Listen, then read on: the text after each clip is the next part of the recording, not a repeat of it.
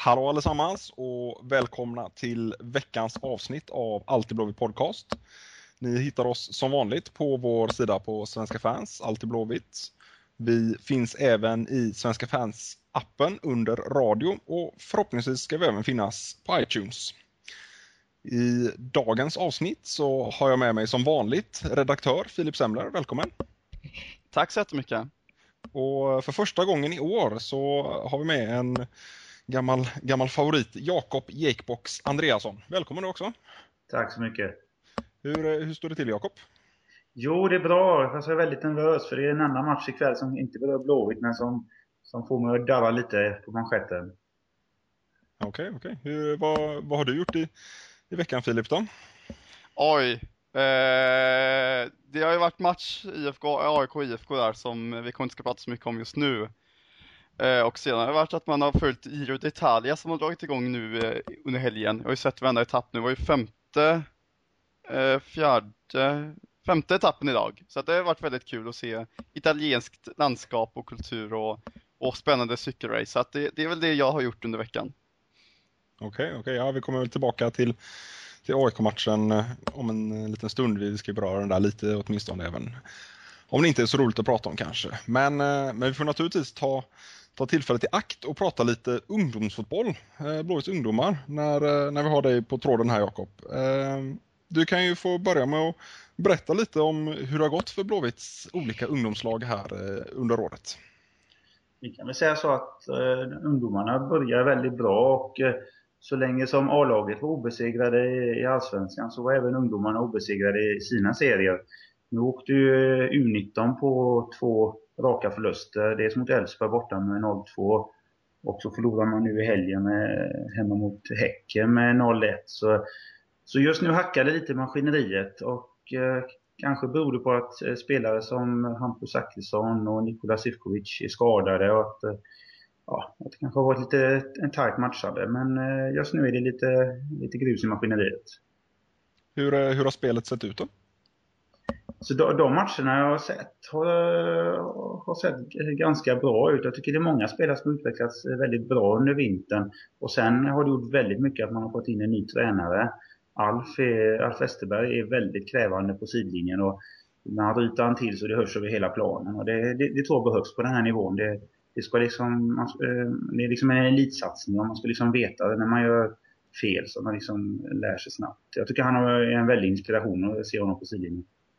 Ja, han plockades ju in i, i år eller i slutet på förra året egentligen och han borde väl ha hunnit sätta sin prägel åtminstone lite grann i lagen. Vad, vad skulle du säga är, är hans liksom, fotbollsfilosofi? Vad är det han vill, vill visa fram i, i ungdomslagen? Alltså det, det, det, man har läst ut lite av media är att han har ett väldigt bra samarbete med Stare och Edlund och det känns som att organisationen har fått en rejäl förstärkning. Alltså en tränare som kan liksom följa med hela linjen från U19 och U21 upp till A-laget och stötta och och coacha. Det jag tycker han för med sig mest är ju då karaktären, eh, vinnarinstinkten och just det här viljan att utveckla spelare. Jag, jag tror det, det saknades lite förra året. Det känns som att det är en, rejäl förstärkning. Jag tror, jag tror Blåvitt kommer att ha stor nytta av Alf Westerberg under året och framöver. Om, eh, om man ser lite till, eh, till lagen för våra lyssnare som inte har så bra koll och jag kan ju säga att jag inte heller har så jättebra koll. Vilka är de, de stora profilerna eller de liksom mest framträdande namnen i, i ungdomslagen just nu? Ska jag nämna några namn så är det de killarna jag nämnde nyligen, de som var med på Biljardpalatset i måndags. Eh, Hampus Zachrisson och Niklas Sitkovic är ju naturligtvis eh, två av karaktärerna i laget. Sen har vi Gustav Engvall som just nu är och spelar EM för, eh, för P96-landslaget. Sen finns det flera spelare som på olika sätt eh, är i olika faser av sin, eh, sin utveckling. Alltså, jag skulle kunna nämna ganska många, men jag, men jag nöjer mig med de här spelarna just nu. Ja, du, du sa Engvall, han är iväg och spelar EM nu och det går ju rätt bra för honom. Ehm, förutom en, att han har en väldigt bra skäggväxt sin unga ålder till trots. Vad, vad, är, hans, vad är hans styrkor, Gustav Engvall? Jag tycker han är väl, både teknisk och stark i kroppen. Alltså det, det, det där är en kille som kommer bli en riktigt bra eh, målspottare med tiden. Han är, han är bra med bollen, han kan hålla med backarna ifrån sig. Det han behöver jobba lite på är liksom att han tar på sig väldigt mycket gula kort för att vara, vara en anfallare. Jag tycker han är lite för hetlevrad i vissa lägen. Men, men eh, en bra spelare som både kan spela absolut topp, men även, strax bakom en, eh, ja, den yttersta anfallaren, liksom spelar fram bollar. Väldigt spännande spelare och dessutom är han bara 96, så alltså det, det finns ju det finns ju många års utveckling innan, han förväntas vara färdig eh, ja, vuxenspelare. Okej, okay. hur eh, Filip, hur mycket, hur mycket följer du ungdomslagen? Hur intresserad är du av, av Blåvitts ungdomar? Jag är väldigt intresserad och jag försöker alltid hänga med så mycket som möjligt på forum och via våra artiklar som Jakob och eh, redaktionskollega Eh, Henrik skriver, precis. Eh, tyvärr har jag inte möjligheten att se så många matcher. Jag går fortfarande i skolan och efter skolan så finns det annat att göra. Så att jag, jag har inte riktigt hunnit sätta mig in i, i själva matchandet i, med, med U-lagen. Men eh, jag hänger med så gott som det går nu till sommaren hade jag tänkt se fler matcher. Så att absolut har jag väl en någorlunda koll på vilka som spelar i vilka lag. Men så mycket om spetskvaliteter så vet jag inte.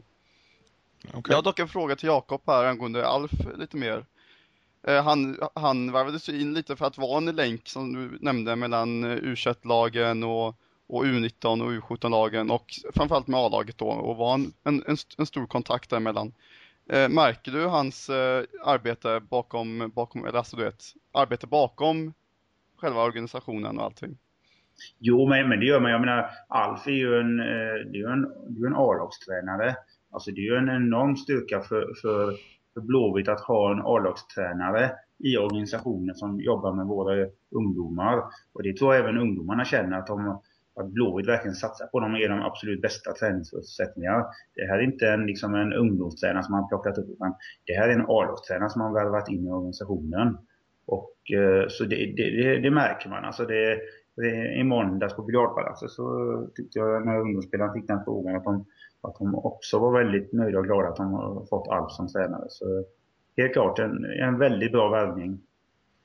Är värvningen av Alf ett ytterligare steg i satsningen mot ungdomarna skulle du säga? Liksom att det flyttar fram positionerna än mer i vår ungdomsorganisation och vår ungdomssatsning? Ja, men det är det ju. Alltså, man kan säga att i år så, ser vi, så skördar vi lite frukter av ungdomssatsningen när Sam Larsson och David Moberg Karlsson liksom är givna i A-lagssammanhang. Och, och här gäller det nu att börja utveckla nästa årskull. Alltså nästa gäng spelare som kanske ska vara lika givna nästa år eller kanske 2015. Och då måste man jobba långsiktigt. Man måste skicka signaler åt alla håll och kanter att eh, för ungdomar till exempel i 15-årsåldern som, som ska välja vilket eh, U-lag de ska gå till. Att eh, kom till Göteborg, det, här finns det bra förutsättningar. Här, här är resan mellan Eh, ungdomslaget och A-laget. Den, den, det finns en väg. Om, om du är tillräckligt duktig så kommer du upp till A-laget. Om, eh, om man ser till den filosofin som har förts fram eh, bland annat från, eh, från Alf så är det ju att Blåvitts ungdomslag inte alltid ska toppa lagen utan att man, alltså att man inte ställer dem på pappret eller de elva bästa spelarna på plan utan att man så att säga matchar sitt lag gentemot motståndarnas, motståndarna. Mot svagare lag så ställer man upp med en, med en svagare elva för att få jämnare matcher och hårdare matchning helt enkelt. Vad, vad tycker du om den filosofin, Jakob? Alltså det, jag har lite svårt att värdera den. Jag, jag, kan förstå tanken bakom den. Sen kan jag också förstå värdet av att i, i ungdomslaget så måste man köra med alla spelare. Det är inte som A-laget när man, när man kör med bästa laget och så, så är det okej okay att låta sju, åtta killar sitta på bänken hela tiden. De är liksom in, eh, de, de har ett jobb och kan sitta på bänken. I utruppen så tycker man har en större skyldighet att spela alla just därför att alla ska ha någon form av utveckling. Det är, det är inte alltid givet att de som spelar i, i startelvan i utruppen ena veckan är de absolut eh, bästa över tid och de som kommer komma hela vägen till A-laget. Så jag tycker det är rätt att man, man jobbar med hela utruppen, att man, att man roterar. Men sen att man skulle anpassa styrka och kvalitet efter motståndarlaget. Det är lite svårt att värdera om det, om det är bra. Alltså det, det finns en viss, tycker jag, eh, tjusning tjusning att vinna matcher. Att faktiskt eh, jag jobbar in en vinnarinstinkt. Så ibland ska det nog inte vara lite överlägsen och bonka till motståndare.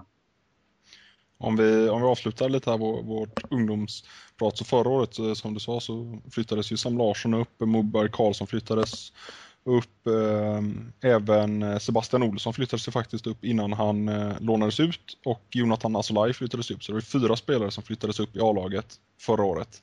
Eh, I år har det ju inte någon flyttats upp än. Vilka skulle du säga är realistiska att de eh, får ett A-lagskontrakt i år?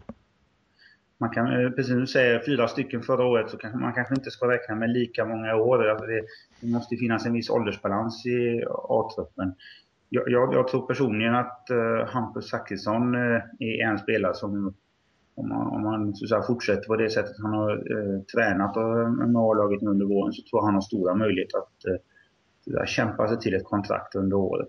Sen när det gäller övriga så får man om man fundera lite. Hampus är ju 1994, så han är inne på sitt sista juniorår. Där måste man ju ta ställning i år.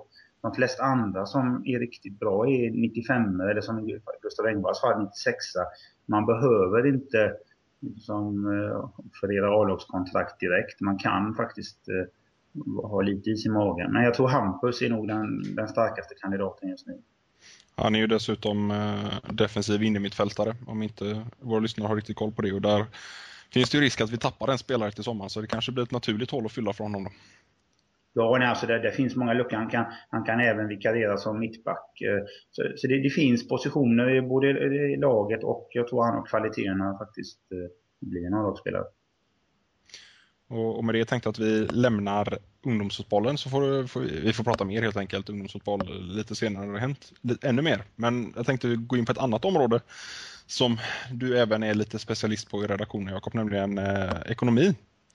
Eh, jag tänkte först börja med att ställa en lite generell fråga så här. Hur mår IFK Göteborgs eh, ekonomi för tillfället? Just nu eh, mår den bättre än den mådde för några månader sedan, får jag ändå säga. Och det beror ju på att nu börjar publiken strömma till Blåvitts matcher. Alltså vi har närmare 17 000 mot, Malmö och, och Halmstad-matchen nu i helgen ser ut att generera ganska mycket publikintäkter också. Det, och det kunde man kanske inte förutse in, eh, inför säsongen. Då, då var det lite oroligt att man skulle ersätta ett Gais-derby som bara hade försvunnit. Och så eh, liksom det här att man just har tappat en, en sponsor då på, på tröjan ICA.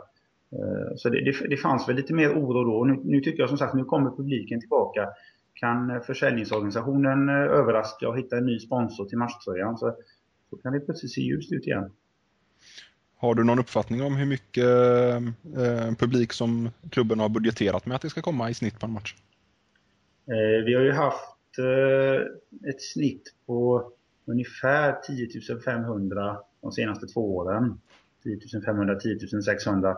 Så jag, jag, vet inte om de har varit djärva och budgeterat väldigt mycket över det eller om de har liksom försiktigt lagt sig på den nivån.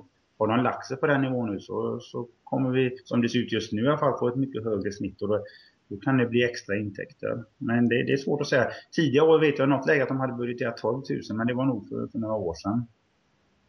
Okej, okay, okej. Okay. Eh, du tog upp eh, just att vi har ju tappat en av våra stora sponsor, sponsorer, ICA. Eh, hur mycket tappar klubben ekonomiskt på att ICA inte längre är en stor sponsor? Alltså det, det, det är svårt att veta exakta siffror men det rör sig helt klart om några miljoner och ICA var en av de större sponsorerna. Så om man ska dra till med en siffra så säger jag någonting eh, runt 3 miljoner har man nog tappat på, på att eh, ICA har försvunnit. Det, det, är bara en grov gissning men eh, hyfsat kvalificerad sådan. Och det hålet bör man fylla på något sätt. Eh, vi hade ju en eh, fråga på, på forumet för, eh, för någon dryg vecka sedan om eh, luckor på matchtröjan. Och helt klart finns det ju attraktiva platser på matchtröjan där en sponsor skulle kunna få bra exponering. Egentligen upp till marknadsorganisationen att övertyga någon sponsor om att här vill du sätta ditt eh, företagsmärke och för det vill du betala blodet ett antal kronor. Tror du att det är mest logiskt att någon av de sponsorerna som redan nu är en sponsor till Blåvitt tar ett större sponsoransvar eller tror du att det blir så att säga, en extern rekrytering likt Prioritetfinans? Svårt att säga. Prioritet fanns faktiskt i Blåvittas sponsororganisationer på väldigt låg nivå innan de blev storsponsor också. Det man kunde se i år är ju att eh, Cefa som hade platsen på ryggen flyttade till byxornas framsida. Så det kan, visst kan det ske en del omdisponeringar inom sponsorgruppen när man kanske plötsligt ser att det finns en, en plats ledig som ligger inom den prisklass som man är beredd att sponsra. Men, men om man säger att alla har ju behov av friskt blod. Eh, så, så visst hade det varit kul att få in en helt ny sponsor som man inte haft innan. Det hade ju varit bra långsiktigt. Finns det någon, någon typ av sponsor som du skulle vilja gick in och, och sponsrade Blåvitt med tanke på att det ökar liksom nya kontaktnät och nya, en ny bransch så att säga?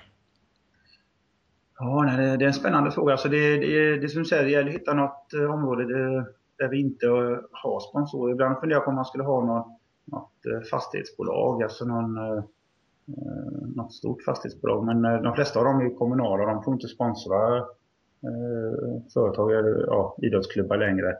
Men jag, jag kommer inte på rak arm på, alltså lite sådär häftigt är ju något sånt här modernt företag, typ Xbox eller någonting, alltså typ med Microsoft. Men det, det är lite svårt. Jag frågar om de är så, så långsiktiga i sitt sponsorskap. Det är för sig kul att ha Xbox på rumporna, men eh, det är lagom stort sätta det och de kan säkert betala för sig. Men frågan är om de, alltså om det, de är särskilt långsiktiga i sina sponsoråtaganden. Men helt men alltså, klart att det var bra att få in en ny bransch. Men alltså en, en, ny, en ny sorts eh, företag, liksom den nya sortens ekonomiföretag, något IT-företag eller som du säger, ja, spelföretag då hade du tyckt var en, var en bra sponsor, ny sponsor? Ja, det, det, det är ett exempel på att man måste liksom, eh, eh jag menar, man märker ju att ICA lämnar eh, sponsorskapet helt. Det är ju en, en strategi de har att de inte längre vill satsa på fotboll. De når inte sina eh, marknadsgrupper man satsar på fotboll. De har ju sin reklamfilm som snurrar i, i, i tv hela tiden och det är där de når sina kunder. De, de når inte sina kunder via fotboll längre.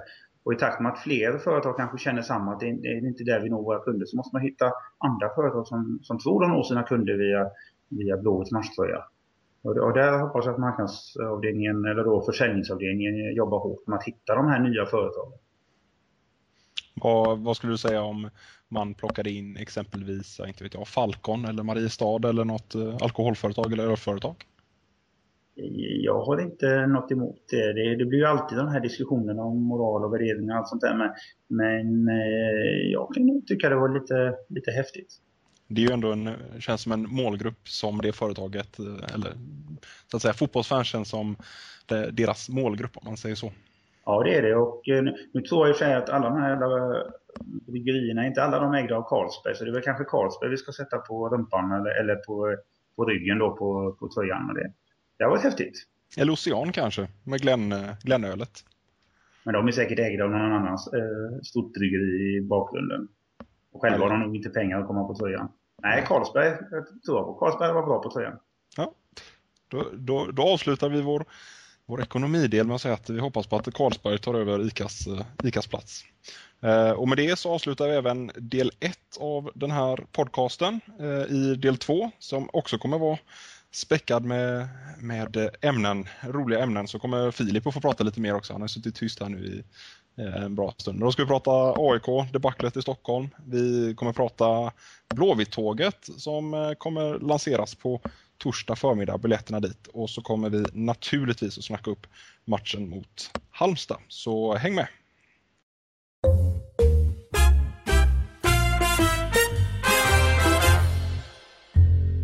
Välkomna tillbaka till del två av Alltid Blåvitt Podcast. Och den här eh, pausen var ju till för våra live-lyssnare så att eh, vi kunde svara på lite frågor och ta upp lite saker i chatten som har kommit upp här. Eh, men nu ska vi prata, tyvärr får man väl säga, vår första förlust för året. Eh, AIK borta. Hur, eh, hur såg du matchen Filip?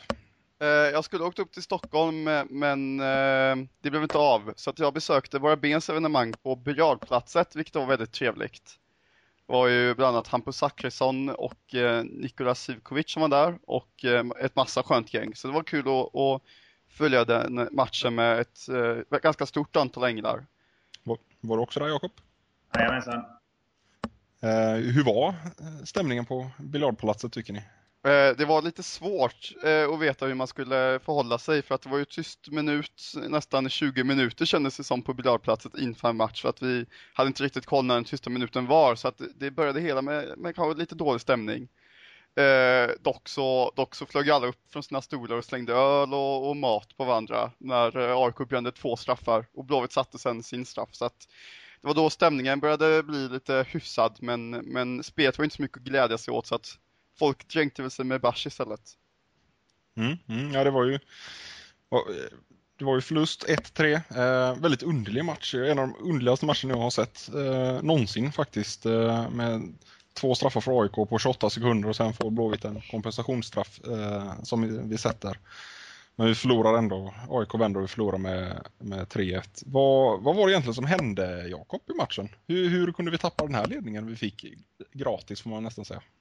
Alltså, eh, jag undrar också det egentligen. Man tycker att får man en sån eh, gratisbjudning, för det var det verkligen av domaren, att, att få en straff och att vi dessutom sätter den, så ska man ju hålla det. Men, men man såg väl det redan eh, från första början att det, det kändes som inte riktigt var på två här. Och så när man då får gula kort på båda mittbackarna så, så blev det någonting där. Det blev eh, Normalt sett brukar antagligen Väler eller, eller eh, Bjärsmyr stöta uppåt. Men det gjorde de inte nu. De backade tillbaka så fort det blev Eh, läge för att inte riskera ett andra gult kort. Och då blev det en lucka mellan mittbackarna och våra innermittfältare. Och det första målet som kom där då, det, det, han som sköt in det, han eh, hade ju helt öppet där i straffområdet. Kunde nästan stå och ladda hur länge som helst. Eh, sen var det, får man ändå säga så att eh, båda ytterbackarna, Adam och Dyra, får ju kvittera ut underbetyg för att de inte tog undan de två första målen. Det, det skulle de ha gjort. Jag kan själv tycka att ja, det här var ju naturligtvis den sämsta matchen av många spelare för året, men jag kan eh, lite tråkigt säga att det var en dålig insats av såväl Jakob men även eh, Mattias Bjärsmyr som slog bort mycket uppspel och verkade lite, han verkade inte riktigt, eh, riktigt vara med i matchen. Men Filip, var det, var det Blåvitt som var dåliga eller var det AIK som var bra och gjorde oss dåliga tycker du? jag tänkte gå in så mycket på hur mycket Turinas ceremoni förändrade matchbilden och, och upplägget. Men eh, helt klart gjorde AIK sin, sin bästa match tillsammans med, med deras MFF-match och Blåvitt gjorde sin, sin sämsta match för året. Eh, jag tycker att, det, tycker att AIK spelade bra. De hade bra, fint, kompakt försvarsspel och satte Blåvitt i svåra positioner där djupledssnacket, djupledslöpningarna och ytorna i anfallet inte riktigt fanns.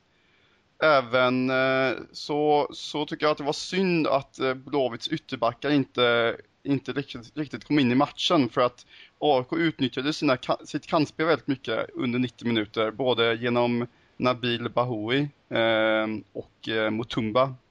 Vilket varken Dyrestam eller Adam Johansson hade särskilt bra koll på. Så att det, det, var, det var AIK utnyttjade Blåvitts misstag och väldigt, väldigt bra och eh, Blåvitt kom inte alls in i matchen för att eh, AIK hade verkligen prickat in vart IFKs svagheter var och det var definitivt att stänga av deras yttrar och anfallare. Uh, hur ska vi tolka det här, uh, ska vi kalla det snedsteget Jakob? Är det här bara ett olycksfall i arbetet och att uh, på lördag så är det back on track eller är det så att säga ett trendbrott lite grann vi har sett i, i Blåvitt och Blåvitts spel? Nej, jag hoppas att det är ett olycksfall i arbetet. Eh, Blåvitt har eh, egentligen en bra maj månad framför sig här nu med fyra här, mänskliga matcher i Allsvenskan och sen cupfinalen. Och det, det gör att man borde kunna plocka väldigt mycket poäng. Om man tar den här förlusten på rätt sätt så eh, vinner man igen nu på lördag. Och sen, sen kommer vi jubla i resten av maj månad. Ja, det tål ju upprepas eller någonting man alltid kan tänka på i sådana här lägen. Det är ju att de lagen som tar SM-guld, de eh, kan ju faktiskt ha råd att tappa poäng mot eh, de andra topplagen så som vi har gjort mot Malmö och AIK. Men man måste ju vinna alla skitmatcher så att säga. Eh, bland annat, man kanske får kalla, klassa det som en skitmatch på lördag mot Halmstad. Så att det tar jag med mig att det, i slutändan så är det acceptabelt att förlora mot, eller att, ja, precis, att förlora mot AIK borta. En sista sak jag bara tänkte ta upp innan vi lämnar AIK-matchen är John Alvbåge. Eh, han gör enligt mig eh, säsongens överlägset, eh, överlägset sämsta match. Tidigare har han i mitt tycke räddat oss från flera poängtapp och även möjligtvis förluster. Så Filip, håller du med mig i det att det är han som även tidigare har varit lite skillnaden mellan vinst och förlust och att det blev väldigt tydligt mot AIK? Alboges, eller förlusten var långt ifrån Alboges fel. Eh, han räddade Blåvitt från, från en ettmålsunderläge redan i första halvlek. De räddade en straff på ett utmärkt sätt och även räddade ett skott från Borges, tror jag det var, eh, redan i den tionde matchminuten. Så att Nej, han räddade Blåvitt från att eh, ligga brygga redan i inledningen av första halvlek. Sen var han ganska instabil kanske i andra halvlek och, och släppte in ett mål från Mutumba och eh, från Borges var det va? Eh, I andra halvlek. Men, men eh, nej, han, han räddade Blåvitt eh, lika mycket som han kanske sänkte Blåvitt i andra halvlek. Så, att, så, så en godkänd insats. Men det var absolut inte hans fel att vi, att vi släppte in mål utan det var på grund av att det var bedrövligt försvarsspel som, som gav AIK de myter de skulle, absolut inte skulle ha haft. Anser jag. Okej, okay, okej. Okay. Men ja, jag, jag, tänkte inte att vi skulle prata mer AIK-matchen nu. Det ger den bara tråkiga minnen. Och sådär. Men, eh, men den spelades ju på, på Friends Arena och på tal om Friends Arena så ska vi snart åka dit igen. Eh, det är ju cupfinal eh, den 26 maj, söndag den 26 maj. Och nu är det ju sen förra veckan som vi hade lite på känn om man, om man uttrycker det snällt, att det ska bli ett eh, tåg upp som IFK Göteborg ordnar. Och eh, biljetterna kommer släppas eh, på torsdag, eh, alltså idag får man säga då, även om det är onsdag kväll nu när vi spelar in det här. Eh, och vi har även på redaktionen gått ut nu med att eh, vagn 10 är inofficiell Alltid Blåvitt-vagn där eh, hela, eller inte hela redaktionen, men nästan hela redaktionen eh, kommer sitta. Vi hoppas att eh, såväl forumrävar som eh, nya skribenter och sådär kommer dit och, och snackar lite med oss och sådär. Så ska vi även försöka ordna lite, lite quiz och lite annat kanske så att det händer lite på tågresan upp. Men eh, Jakob, du är en av dem som kommer åka med upp. Vad, eh, vad förväntar du dig av tågresan upp till, eh, till Stockholm? Så det är alltid skoj att åka på, på bortamatch. Och en tågresa är ju ganska behaglig jämfört med en buss. Man kan röra sig på ett annat sätt. Och det, det finns två bistrovagnar och sen kan man gå och köta med andra som sitter i de andra vagnarna. Jag misstänker att det kommer finnas, ja det finns ju redan några uttalade temavagnar. Jag misstänker att det kommer några till, några grupperingar, bland annat kanske Bara Ben som tingar in en vagn. Så, så det kan nog, eh, det kan bli en trevlig resa och eh, som sagt, det är ett bekvämt sätt att resa. Och många som laddar gemensamt och sen eh, får vi förhoppningsvis en jävligt rolig hemresa när man, när man har vunnit cupfinalen. Det, det, det, ser jag fram emot. Det går lite snabbare också med, med tåg än med buss. Hur, hur taggade du Filip som också kommer åka i vagn 10 tillsammans med undertecknad också. Ja, jag vill jättegärna hypa vagn 10 för det kommer vara jätteroligt att ha en inofficiell Alltid Blåvitt-vagn. För att vi har så himla många stora och rugga profiler i vårt forum som är riktiga forumrävar som jag hoppas att samtliga kommer sitta på vagn 10 upp till Stockholm. Och eh, tillsammans med ett roligt quiz och, och, och härlig eh, sammanhållning så, så kommer det vara kanonroligt. Eh, så att jag hoppas att alla som vet vilka vi är och följer oss på forumet kommer välja att sitta i, i vagn nummer 10. Ja, biljetterna släpps ju som sagt eh, på torsdag den 9 klockan 11 i Blåvittshoppen och man kan endast köpa dem i, i Blåvittshoppen. men skulle det vara så att man inte bor i Göteborg så är det ju bara att eh, ringa till Blåvittshoppen så kommer de eh, ordna en biljett där. Ja, du har ju sagt Filip att vi ska bli, vad är det, 10-15 tusen änglar? Håller du fast vid det eller? Nej, men jag tycker att det var fegt av andra att säga 3000 änglar. Att han ska vara nöjd om det var 3000 änglar. Det är ju vad jag hoppas kanske att följet blir från Göteborg. Sen så vet jag att det bor bara 3000 änglar i Stockholm och jag vet jättemånga i Stockholm som aldrig gått på Blåvitt som, som jättegärna vill se matchen från Blåvitt perspektiv. Och jag känner folk från Kiruna och från Jönköping som åker upp med, med bussar och stora bilar. Och jag hoppas att samtliga, samtliga änglar i landet sluter samman och att vi kan få upp emot ja, kanske 10 000 eh, vid finalen. Det tycker jag är rimligt. Men jag vet många som inte tycker det. Men eh, jag tycker att det är fullt rimligt. Ja, så att eh, jag tror också det kommer bli en väldigt rolig resa och förhoppningsvis blir det ju en, eh, en eh, trevlig hemresa så att jag vet inte om man ska höra av sig till IFK och säga att de får bunkra upp med champagne i bistron så att man kan, kan fira lite på vägen hem.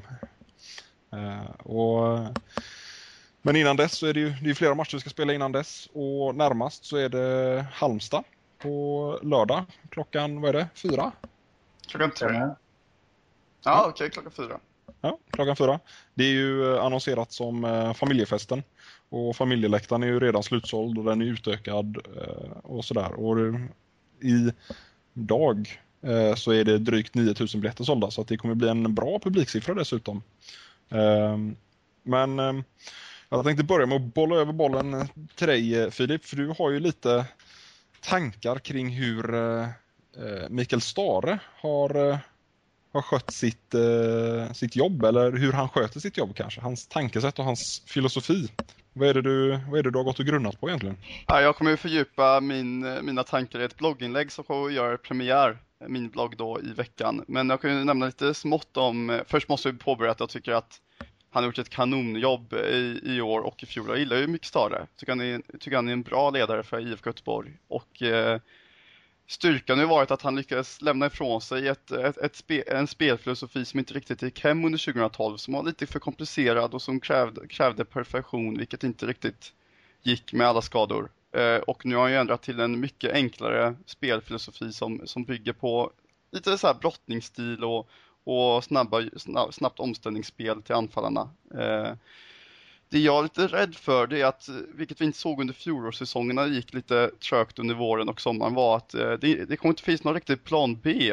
Eh, och det efterlyser jag verkligen för att eh, under fjolåret så, så lyckades vi säkra en sjunde placering enbart genom hjärta, kämpaglöd och av våra veteraner, det vill säga Mattias Brasmyr och Jakob Johansson som båda var med 2007 och såklart eh, Stefan Slakovic. Eh, i, i, år så, så har vi inte riktigt behövt en plan B. Eh, den plan B som jag kan komma på i så fall var ju den plan B som Jens Fjällström uttryckte som att vi använde i andra halvleken mot Åtvidaberg när det fortfarande stod 0-0 då vi spelade ett ännu enklare spel än vad vi redan hade gjort då när vi satt bytte in Salomonsson så att vi fick ett mer rakare anfallsspel. Nu spelade vi mot AIK som spelar ett, eh, ett kompakt och, och, bra försvarsspel, eh, väldigt tätt försvarsspel eh, och då gick det inte alls vägen. Visst, det kan ju absolut ha varit en platt match men jag, jag är rädd att det inte riktigt är det för man också ser på hur det gick i Malmö-matchen när Malmö tog ledningen och började backa hem att det inte fanns några fina ytor för våra anfallare och för våra yttermittfältare. Och vad, vad, vad plan B är då? Eh, nu möter vi ett Halmstad som har tagit poäng mot både Elfsborg och Malmö FF. Båda matcherna jag har sett och det har de gjort på grund av sina, sitt kompakta försvarsspel och då är jag lite rädd ifall kan Halmstad ta en ledning genom en hörna och eh, IFK måste börja anfalla genom, eh, genom sina anfallare och yttermittfältare och det inte finns några ytor och, och Halmstad täcker av spelarna fullt och hållet, full, helt och hållet. Vad, vad gör Star åt saken då? Visst, det går att sätta in stiller men, men en spelare kan inte förändra matchbilden så pass mycket så jag, jag är lite rädd att det kommer inte finnas någon plan B hos Stare eh, och eh, det avgör mycket i ifall Blåvitt kommer få en topplacering i år eller inte och eh, vad jag tycker om Micke Stare. För att än så länge tycker jag att Micke Stare har gjort det jättebra men, men jag vill se en plan B för att det inte riktigt går vägen mot Halmstad i inledningen. Men vad är det för eh, plan B du efterlyser då? Vad skulle du vilja se eh, hända i Blåvitts spel som, som vår plan B?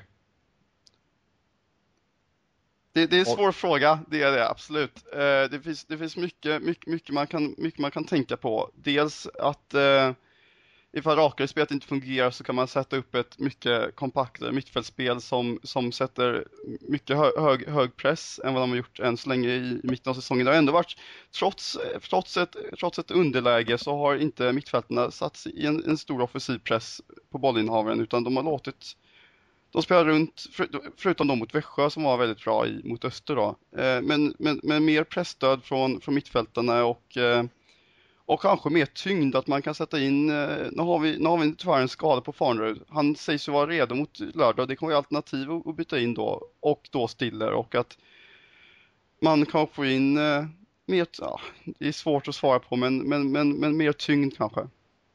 Ja, det är flera, framförallt i i tidningar och media sådär som lyfter fram att det är eh, Fanerud som är liksom den biten i Blåvitts framförallt anfallsspel som, eh, som saknas. Kan man verkligen sätta den liksom pressen och, och tyngden på Fanerud tycker du att det är han som liksom ska komma in och skapa den här helt nya dimensionen som vi saknar i anfallsspelet idag Filip? En, en ny dimension efterlyser jag inte utan det är, ju, det är ju en spelare som vi vet har kapacitet att ändra matchbilden när det väl behövs. Uh, och vi har ju då Rigarsic som, som då kan, kan komplettera Farnerud i ett läge där Blåvitt söker efter ett nytt anfallsspel i en match.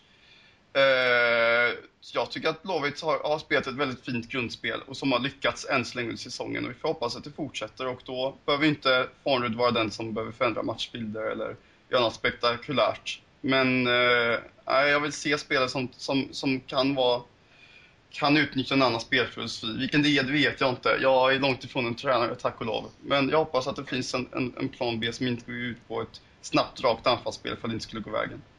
Håller du med om det Jakob, att eh, vi är för, för ensidiga i, i vårt anfallsspel just nu? Nej, jag är nog inte lika orolig som Filip där, men, men jag kan hålla med om att vi inte har fått ut max eh, på alla, i alla lagdelar. Jag är framförallt orolig för hög, högerkanten. Där jag tycker att vi skapar väldigt lite anfall just från högersidan. Det är väl det man är lite bortskämd med åren med Selakovic och Alexandersson. Att det, det var alltid från höger det skapades anfall. Men nu är det ju Sam Larsson och Dyrestam som eventuellt kan hitta på något skoj på vänsterkanten. På högerkanten så känns det som lite totalt stopp just nu. Och, och där kan man ju se att hade man haft eh, spelare som Farnerud, eh, Allansson och Sobralense helt friska hela tiden så kanske man hade kunnat spela ihop en annan lösning på högerkanten. Men just nu tycker jag det haltar som mest där. Annars är jag ganska... Okej, okay, vi förlorade i måndags, men än så länge så, så tar jag inte den förlusten så, så tungt. Jag tror fortfarande att vi, vårt raka spel är vad, vad, vi, vi, vad vi kommer fram med nu. Men jag hade gärna sett att några av de, de här spelarna som varit lite halvskadade eller som är skadade kommer tillbaka i fullt slag. För då, då kan vi börja variera oss lite nu.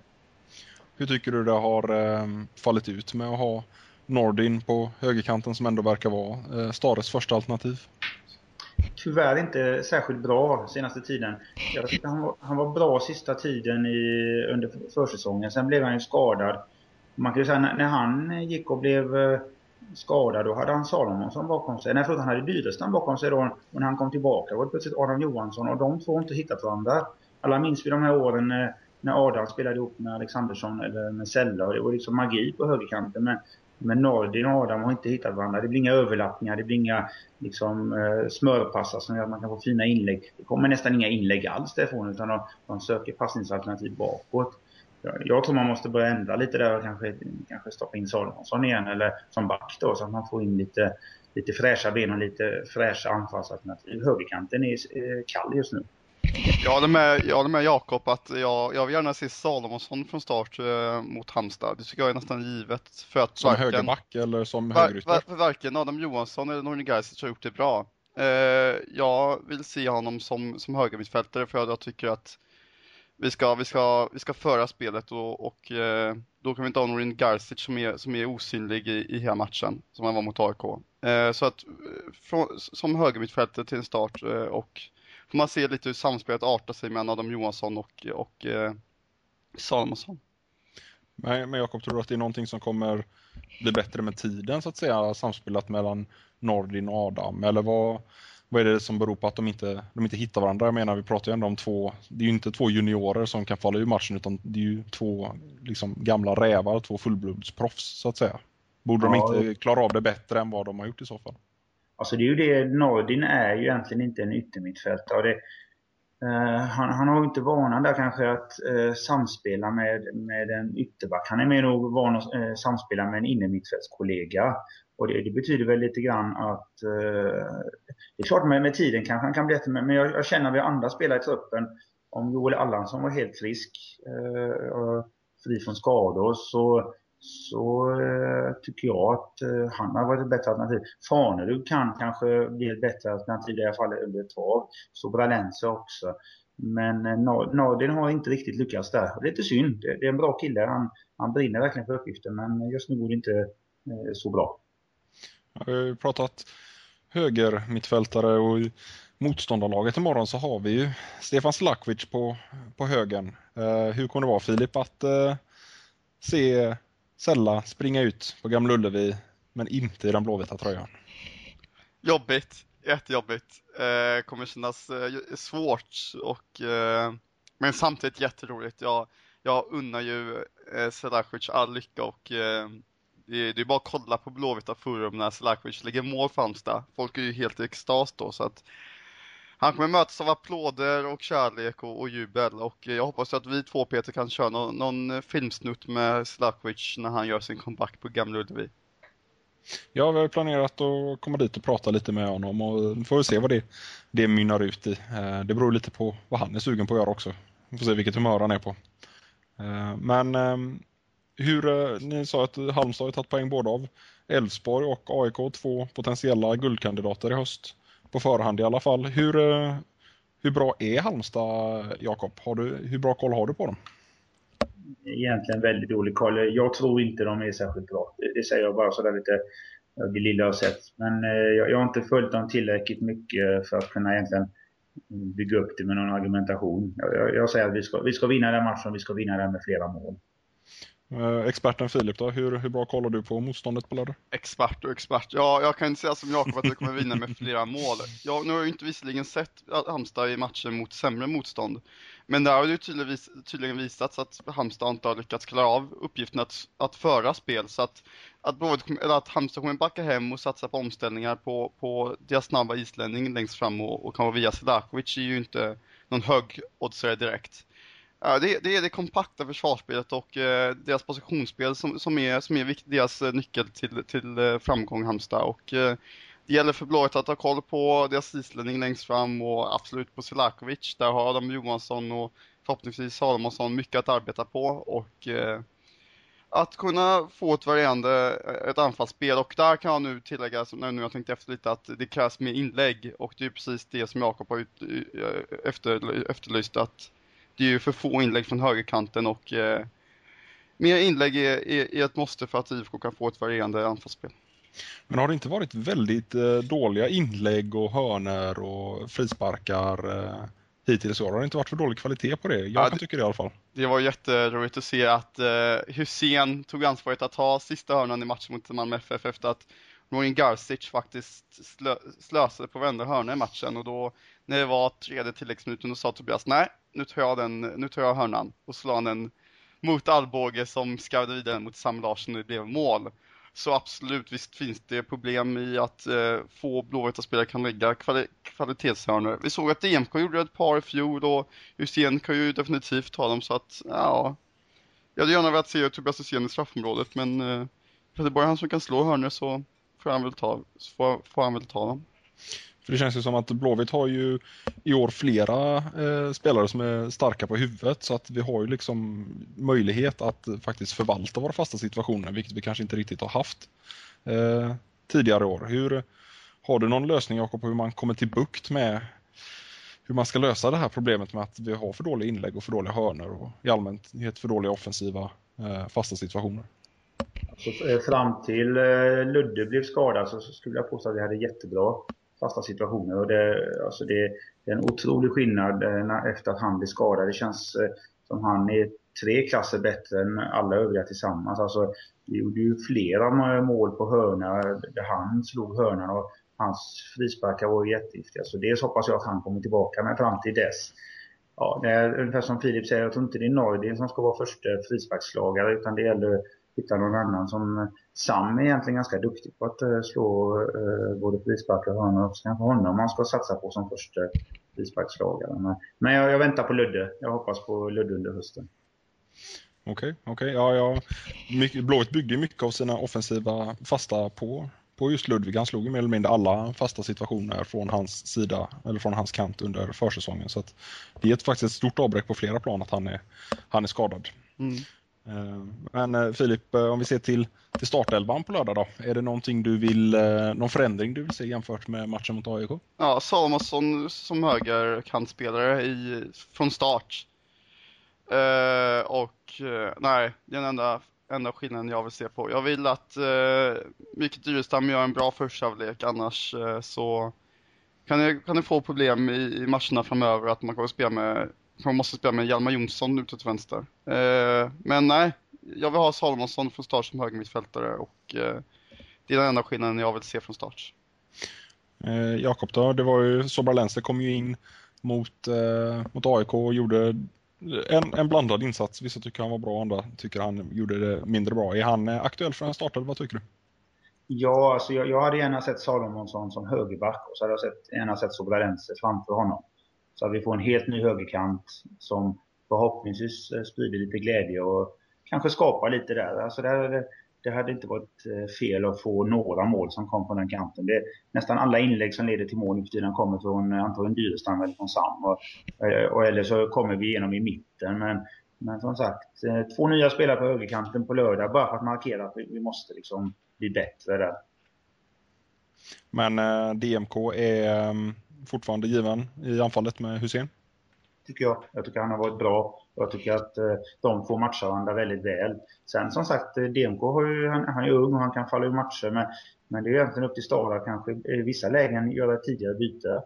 Eh, ibland tycker jag att eh, Mikael, Mikael Stara har väntat lite för länge med sina byten. Jag tycker att han, han skulle kunna genomföra vissa byten tidigare. Eh, ja, långt tidigare. Okej. Okay. Jag tycker DMK var en av de bästa i offensivt väg eh, mot AIK. Eh, han förlorar matchbilden ganska ofta som Jakob säger men han lyckas ändå skapa chanser åt sig själv då och då och eh, fick ett och annat farligt skott vilket inte Hussein eller någon annan lyckades med så att absolut vill jag se David. Jag, jag gillar honom och, och jag ser stor potential i honom. Jag tyckte han gjorde det i matchen mot AIK efter lite byten där. Du kan ju ner på en kantposition. Jag tyckte den i matchen mot AIK passade honom mycket bättre för att då fick han bollen mycket oftare. Alltså ytan som skapades upp där på kanten var som gjord för honom. Det var ju då han kom till flera, flera avslut. Är han, Precis. Är han aktuell för att spela på kanten oftare Filip? Nej, Uh, ja, möjligtvis i sådana i, såna, i såna situationer, men nu fick jag ju bara mer boll på grund av att mittfältsspelet var bedrövligt dåligt och, och, de inte lyckades få upp någon boll till varken DMK eller, uh, eller Hussein. Men självklart ska ju DMK starta som, som forward när, i vanliga matcher. Ja, och, och med det så tänkte jag att vi får avsluta med att med att tippa eh, matchen på, på lördag mot Halmstad. Så kan vi börja med Jakob. Vad, vad tror du slutresultatet blir? Så jag har ju sagt att vi ska vinna med flera mål, så jag tror att vi vinner med 3-0. Och Filip, vad, vad är din expertåsikt i, i saken? Att, att, det blir två mål. Att om det blir 2-0 eller 1-1, det vet tusan. Men eh, jag måste vara optimistisk i den här podcasten. Det är ju mitt signum, så 2-0. 2-0, ja det var faktiskt det jag också hade tänkt tänkt gissa så men jag får väl, eh, för att få lite spridning då får jag säga 1-0 helt enkelt. Vi, vi spikar en bakåt och så gör vi något, något framåt. Eh, får även uppmana alla som inte har köpt biljett till lördagens match att göra det. Eh, det ryktas om att det ska bli rätt trevligt väder och... Solstrand är snart slut. Är så det så? Att, ja, har vi hört. Ja, ser man på, ser man på. Det är ju jättepositivt. Eh, så att köp biljett till lördagens match. Eh, kommer bli trevligt, Blåvitt kommer vinna och alla kommer vara nöjda och alla kommer vara glada hela helgen. Eh, så, så med det så tänkte jag avsluta den här podcasten och tacka så mycket för den här veckan. Tack för att du ville vara med Jakob. Ja, tack för att jag fick vara med. Och tack även till dig eh, chefen. Tack. Så eh, får jag tacka alla lyssnare som har lyssnat på vårt lilla samtal och så hörs vi igen nästa vecka. Ha det gött! Ha det gött! Lyssnande!